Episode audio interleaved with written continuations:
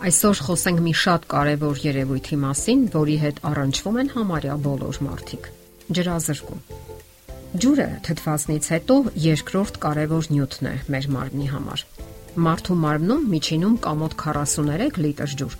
որը մարմնի զանգվածի մոտ 70%-ն է։ Մարդու արյունը 92%-ով կազմված է ջրից, իսկ ստամոքսի հյութի, աղիքային եւ ենթաստամոքսային գեղձի հյութերի ու թքի մեջ ջրի պարունակությունը հասնում է համարյա 98%-ի։ Ամեն օր մարմնից հեռանում է մոտ 3.5 լիտր հեղուկ, տարբեր տեսքով՝ քրտինգ, շնչառություն, ստամոքսահյութ, մեզ եւ այլն։ Մարզիկների վրա կատարված հետազոտությունները ցույց են տվել, որ եթե մարզիկը հարկադրում է իրեն խմել ավելի շատ ջուր, քան պահանջում է ծարավի զգացումը, դրանով կտրուկ բարձրանում է նրա դիմադրողականությունը։ Բացատրենք ինչու։ Ծարավը առաջանում է այն ժամանակ, երբ մարմինը կորցնում է քաշի 1%-ը։ Այսինքն, եթե մեր քաշը 70 կիլոգրամ է, ապա ծարավ զգում ենք 700 միլիգրամ ջրի կորստի դեպքում։ Սակայն մենք սովորաբար խմում ենք շատ ավելի քիչ, քան 700 միլիգրամն է։ Այսինքն, բոլորովին ոչ այն ծավալով, որն անհրաժեշտ է մեզ։ Հետևաբար, մարմինը մշտապես տարապում է ջրազրկումից։ Ահա թե ինչու է կարևոր շատ ջուր խմելը։ Պետք է խմել 3-ից 4 անգամ ավելի, քան ցանկանում ենք։ Այստեղ շատ կարևոր է նշել, որ ջրազրկումը համարվում է շատ հիվանդությունների պատճառ, մասնավորապես արյան ճնշման բարձրացում, դեպրեսիա, քաղցկեղ, ողնաշարային սկավառակների ճնշվածություն եւ այլն։ Ջուրը օգտակար է հոդատապի կամ հոդերի բորբոքման ժամանակ որովհետև հոդային աճառային հյուսվածքները ջրի խնդիր չեն ունենում։ Այն օգնում է ազատագրվելու նաև վզի ու մեջքի ցավերից։ Միջողնաշարային սկավառակները ուղղվում են բավականաչափ ջուր չստանալու դեպքում։ Ջուրը օգնում է նաև նվազեցնելու արյան ճնշումը, ալերգիկ հակազդեցությունները, տագնապները, ասթման։ Ջուրը կարող է բուժել խոցը, որովհետև եթե մարմնում բավականաչափ ջուր կա, ստամոքսը արտադրում է անհրաժեշտ քանակի լորձ, որը պաշտպանում է ստամոքսի պատերը աղաթթվի քայքայիչ ազդեցությունից։ Ջուրը ընդունակ է նվազեցնելու խոլեստերինի մակարդակը։ Այն թեթևացնում է գլխացավերը եւ այլ բնույթի ցավեր, ներառյալ միգրենը։ Առատ ջուրը ուժեղացնում է նաև ուղեղի աշխատանքը, չէ՞ որ ուղեղի ավելի քան 90%-ը ջուր է։ Երիկամները շատ էներգիա չեն ծախսում մարմնից ավելորդ ջուրը դուրս բերելու համար։ Ընթակառակը, նրանք լարվում են այն ժամանակ, երբ հարկադրված են լինում ջուր պահել մարմնում կամ հեռացնել թունանյութերը, կենսագործունեության արգասիքները, իրենց տրամադրության տակ ունենալով շատ քիչ ջուր։ Իսկ ինչու են երիկամները պահում ջուրը։ Երբ ուղեղը զգում է արյան օսմոտիկ ճնշման բարձրացումը 1%-ով հեղուկի կորստի հետևանքով, երիկամները սկսում են մարմնում պահել ջուրը, որpիսի խուսափեն ջրազրկումից։ Այս հետաքրքիր գործընթացը իրականացվում է երիկամների կողմից հակադիորետիկ հորմոնի արտադրությամբ, որը առաջացնում է ծարավի զգացում։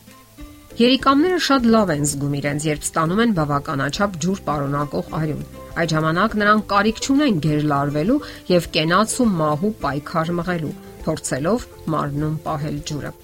Եթե դուք ծարավ ժամանակ մեծ քանակի ջուր եք խմում, ապա ուղեղը 10 րոպե դադարեցնում է հակադիորետիկ հորմոնի արտադրությունը եւ մարդու մոտ հագեցածության զգացում է առաջանում։ Եթե 10 րոպե հետո արյան օսմոտիկ ճնշումը չի նվազում անհրաժեշտ մակարդակի, ապա նորից է արտադրվում այդ հորմոնը եւ երիկամները նորից են սկսում աշխատել ջանքանելով մարմնում պահել ջուրը։ Ջուրը արյունատար համակարգում պահպանելու փորձերի ընթացքում մարմինը այն հանում է բջիջներից, ընդ որում նրանց գործունեությունը վատթարանում է, իսկ հիվանդությունների հավանականությունը մեծանում։ Այսօր մարդկանց մեծ մասն այն կարծիքին է, որ իրենք բավականաչափ ջուր են ստանում, քանի որ օրվա ընթացքում օգտագործում են ապուր, թեյ, սուրճ եւ այլ ըմպելիքներ։ Դա լուրջ մոլորություն է։ Այդ հեղուկների ոչ ջրային բաղկացուցիչների առաջացրած օսմոտիկ ճնշումը ջուրը դուրս է բերում մարմնից։ Շատ մարդիկ էլ այսօր վախենում են մեծ քանակի ջուր ընդունելուց։ Սակայն եթե մենք հարկադրում ենք մեզ շատ ջուր խմել, ապա միակ բանը, որ տեղի է ունենում արդյունքում, այն է, որ երիկամները օգտագործում են այդ ջուրը եւ ապա փեռացնում մարմնից, դրանով բարելավելով մարմնի բջիջների բոլոր անհրաժեշտ գործընթացները։ Այսպիսի համեմատություն, որ ամանա ավելի մաքուր կլինի այն որ լվացել են 1 գավաթ ջրով, թե այն որ լվացել են 1 դույլ ջրով։ Նույնը կարելի ասել մարմնի մասին։ Գուցե հակասական թվա եւ առողջ դատողությանը հակառակ, սակայն այտուցներից տարապողները նույնպես ծառայություն կմատուցեն իրենց, եթե մեծացնեն ջրի օգտագործումը։ Իսկ չափազանց շատ օգտագործելու հետևանքով առաջացող էլեկտրոլիտիկ հավասարակշռության խախտում հնարավոր է միայն այն դեպքերում, երբ դուք մի քանի օր միայն ջուր եք խմում եւ ոչինչ չեք ուտում։ Այսինքն ոչ մի սննդային հյութ չեք ստանում։ Հիվանդների միակ խումբը, որի համար դժվար կլինի կարգավորել մեծ ծավալի ջուրը, նրանք են, ում երիկամները չեն գործում։ Իսկ այն մարդիկ, ովքեր քարեր ունեն երիկամներում, դրանք քայքայելու, լուծելու կամ հեռացնելու համար պետք է օրական արտադրեն նվազագույնը 3 լիտր մեզ, իսկ դրա համար հարկավոր է խմել ավելի քան 4 լիտր ջուր։ Նույնիսկ արյան ճնշման բարձրացման դեմ դեղորայք ընդունող հիվանդները իրենց լավ են զգացել, երբ ավելացրել են խմած ջրի քանակը։ Այդ ժամանակ նրանք սկսել են ավելի լավ կարգավորել իրենց արյան ճնշումը։ Ճնշումը իջեցնող դեղամիջոցների ազդեցությունը հիմնվում է երկու հիմնական մեխանիզմների վրա՝ նվազեցնել արյան ծավալը եւ օգնել բջիջներին հսկելու ջրի պարունակությունը։ Իսկ այդ մեխանիզմների արդյունավետ ներգործությանը նպաստելու համար ամենալավագույնը, որ կարող է անել հիվանդների մեծ մասը, ջրի ամենօրյա ծավալը էականորեն մեծացնելն է։ Ամեն օր ընդունելով 2-ից 3 լիտր ջուր մեծապես կնվազի մարմնի ծանրաբեռնվածությունը, օգնելով դեղամիջոցներին հաջողությամբ իջեցնել արյան ճնշումը, ինչպես նաև նվազեցնել մարմնի այտուցվածությունը։ Ջուրը բնության եզակի հրաշքներից է, որ ստեղծել է արարիչը մարդու կյանքի եւ բարօրության համար։ Ուրեմն օգնեք ձեր մարմնին, որ այն չջրազրկվի։ Եթերում առողջ ապրելակերպ հաղորդաշարներ։ Ձեզ հետ է Գեղեցիկ Մարտիրոսյանը։